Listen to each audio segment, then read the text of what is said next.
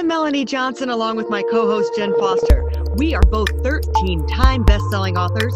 We've published over 2,500 books and made all of our authors number one bestsellers. We own Elite Online Publishing. If you want to become a best selling author, look us up at eliteonlinepublishing.com. Now, welcome to the podcast that shares secrets from top industry experts that show you how to get lasting success and results. This is the Elite Expert Insider Podcast. Hi, it's Melanie Johnson with another great podcast. I'm here with my business partner, Jen Foster. Hey, Jen. Hey, everyone. It's a great day for reading and writing. Absolutely. So, speaking of that, we have one of our very own authors, Jana Phillips, who, of course, became a number one bestseller with us. And she is going to give us the background on how to write a fiction book, how she went through the publishing process, the writing process, what her inspiration was. Um, and I love her book. It's uh, Power Lies. And in the first chapter, I, I don't even want, I want you to tell it because she has, eh, you've got to read, just read the preface of this book. You know, go to Amazon, look at the first couple pages of the chapter of the book and you will be hooked. I swear you will be hooked if you just read that one part. And we'll get into talk about that. Jana, thanks for coming today. Oh, thank you for having me, and thank you for the kind words about Power Lies. I really appreciate it. Yeah, well, tell us, Jenna, how did you get into writing and, and writing fiction? Well, actually, I've been writing all my life. Um, my first foray into writing was a uh, contest uh, when I was growing up in fourth grade. It was a citywide contest that was an essay, and it said it was titled "What Does Thanksgiving Mean to Me?" and it was a blind and you know you entered with just like a number so no one knew who you were. And i won the contest for the fourth graders.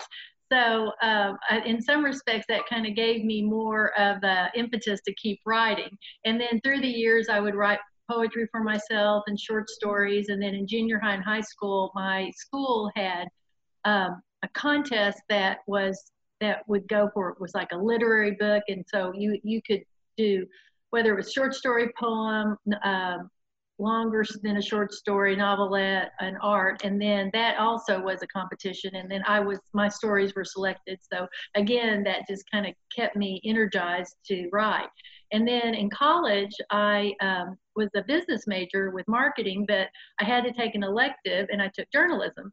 And um, I really liked it. And so I worked on the school paper at Baylor and I worked in the public affairs office, which was to also help write uh, press releases and, and uh, different promotional. So it tied in with my double major of marketing and journalism real well.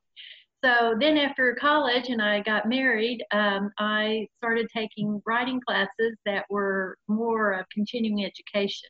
I lived in Dallas at the time and I went to SMU. They had some really good classes and then a few classes at uh, other community colleges. But um, that's really how I got started. And I knew I always wanted to write a book. And I was in the electric industry, so I thought that uh, write what you know is what they tell you. And I wanted to, I love mysteries and I love thrillers, so I wanted to write something that would be along those lines. And of course, this was pre internet days when I started but the the one thing I learned from the from the class at SMU, and I still do it today because I'm working on my second book in the series for Sterling Barrington, is write every single thing down that you can think of. Don't stop for grammar. Don't stop for punctuation. Just write, write, write, write, write. And then once you've completely gotten everything out of your head, then go back and go through and see, you know, how does it sound? Where should this be? Where should, you know, does this chapter one is just chapter five? And that really helped me the most. So basically, I just kept a notebook with me, and every time I think of something, I would write it down. And that's really how I started the book. That's great. Right? That works for for fiction and nonfiction. I've got a little feedback there. I don't know if that's me or um anyways, did you guys hear that? Okay. I heard it, but yes, yeah. but that's okay. Can you, if you hear me? I think, I think just writing it down with nonstop, don't worry about punctuation or spelling is great for fiction and nonfiction. Just get those ideas out of your head. So you said you were inspired for Power Lies because you were in that business. So, um, well, first I want to backtrack a little bit. I know you've been working on Power Lies for a long time, and then you kind of got stuck or stopped, and life does get in the way. So, what was the thing uh, that tells it pushed you forward to actually say, "I'm going to do this"? Because some authors even finish their book, but then they never even publish it. They just sit on a manuscript. They're like, oh, I just have to edit it some more, edit it some more, and then that never happens. So, what finally got you the point to to really do it? Well, I was finished with the book. So, yes, you are correct. I had gone to some really other great uh, intensive writing courses. And unfortunately, this one's not around, but it was the best. It was called Maui Writers Conference. And you could have been in Amarillo because I didn't really see Maui. It was all about eight hours a day with a published author, and there were only like six in the class. And you really worked on two chapters. And so I went two summers in a row, and that really got my book to where I thought it was finished. Well, um, so as you said, yes. So unfortunately, my first husband got really sick and ill and was sick for five years. So I um, put put off trying to get published. And although he was a very very big supporter and you know really wanted me to get the book finished. So so then um, time went on and um, and then um, um, with my second husband, I just decided that now's the time and I'm going to uh, get this done one way or the other. So I did some research and I found an editor and um, she took it on and luckily there weren't too many changes which was nice and um, and then uh, did more research and found you to to get published so really it was just about finally getting to the point where you do do the search to get somebody to help you uh, get it ready, whether it's with an editor and then an editor and a publisher or just a publisher. So that's that's really it. You just have to take. It's sort of the same as with writing. They say stay seated, but you know, just try to to make yourself get out there if you finished it because nothing ventured, nothing gained. right. That's so true. And I, and I really think you have to make that commitment because I think that's what the, the biggest thing is the commitment, right? Because you decided, but it's just getting that commitment to finish and, and actually get it published. Oh, yes. And once the editor took it on, I felt like that was a huge weight off my shoulders and that I was really taking the next step. And, um, and then when she you know, luckily didn't think that there was too much to be done. It was really she had good suggestions about ways. Let's if we take this out, it'll move this faster and that that type of thing. But so I didn't feel like any of it was negative. And besides, I wanted it to be the best as it could possibly be so when that happened that gave me even more in a sense energy to you know to get it published because i was excited that someone else really liked it and that there was you know a possibility i would really have readers for my book. So tell us a little bit about the um, the development of the story your inspiration for the story and coming up with the characters and character development Okay, well, so as you said, um, so I started out in the electric industry in Dallas, which is it's now called Texas Utilities, and um, then um, when we moved to DC, I went to work for the trade association for the electric industry, and I was working in a in a department that was brand new because it was promoting energy efficiency with commercial companies, as in re- the restaurant industry, retail, hospitals, any kind of commercial business, because everybody has to have energy, and if you're put in something more efficient, it's going to be better for the long run and better on it would less pull on the electric grid. So while I was there, I learned even more about the electric industry. And there's always been this is a fact that that power lines, lines, and substations emit what's called electromagnetic fields or EMF. So that's a fact. Well, there's always been a controversy. Do they cause cancer? Do they cause illnesses or do they not? And so, of course, there, you know, both sides have radical thinkers. So I took that fact and decided to make it into a conspiracy theory that um, actually the industry um, has been covering it up through the years. So that was that's how I got that idea.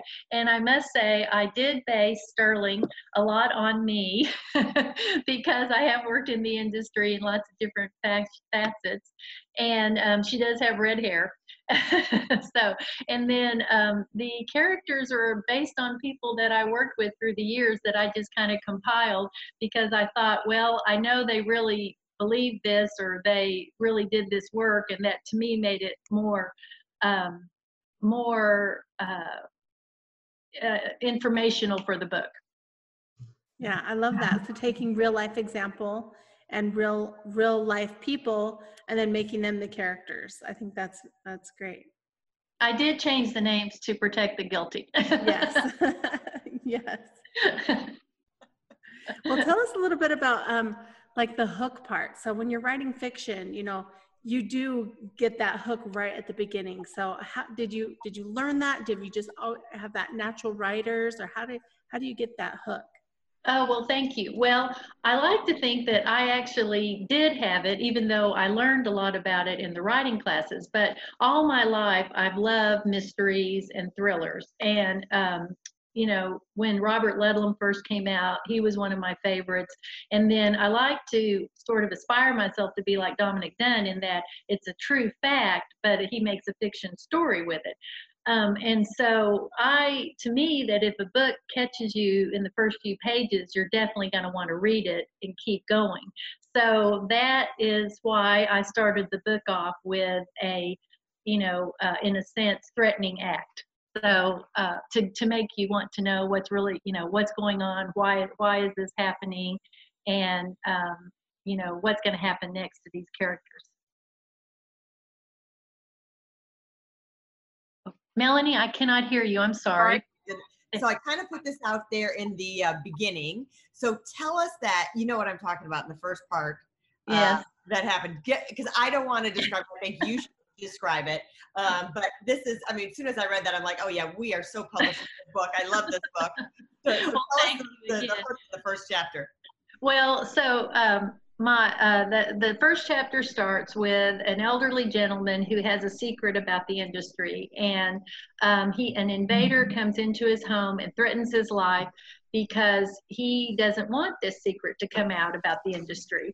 And the uh, older gentleman, Harry, is uh, just sitting home in uh, his bathrobe without anything on underneath, and he's been watching television with his black cat Raven, and um, actually a baseball game and so the man uh, keeps threatening him and threatens to hit him and slaps him. And so Harry thinks of only one thing that he can do to try to get away. So he opens his robe and urinates on the man and then jumps up out of the chair to try to escape the house. So that visual, the guy is sitting like in a recliner, the other guy's like over top of him, and he just starts peeing him, and you know it's shooting all in his face. I was just cracking up. I just thought, oh my gosh, how ingenious! Who would? I mean, I would have never thought of that. Like you're in a movie, you would never think of that as a self-defense mechanism.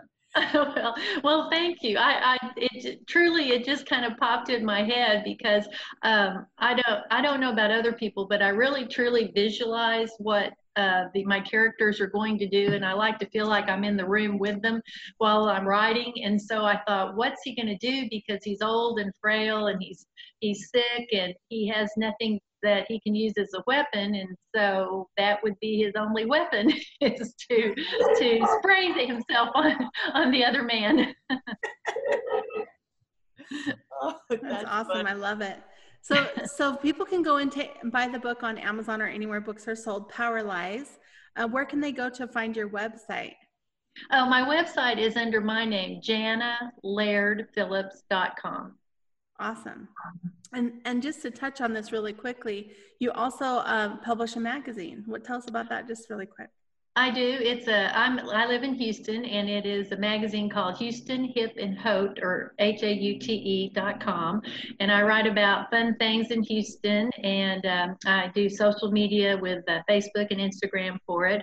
And now I'm just trying to uh, put things out there to for people to be happier while we're sheltered in place and what restaurants are doing delivery or um, or pickup or you know different things like that. But yes so it's a lot of fun. I've gotten to meet a lot of really interesting people and businesses through the magazine.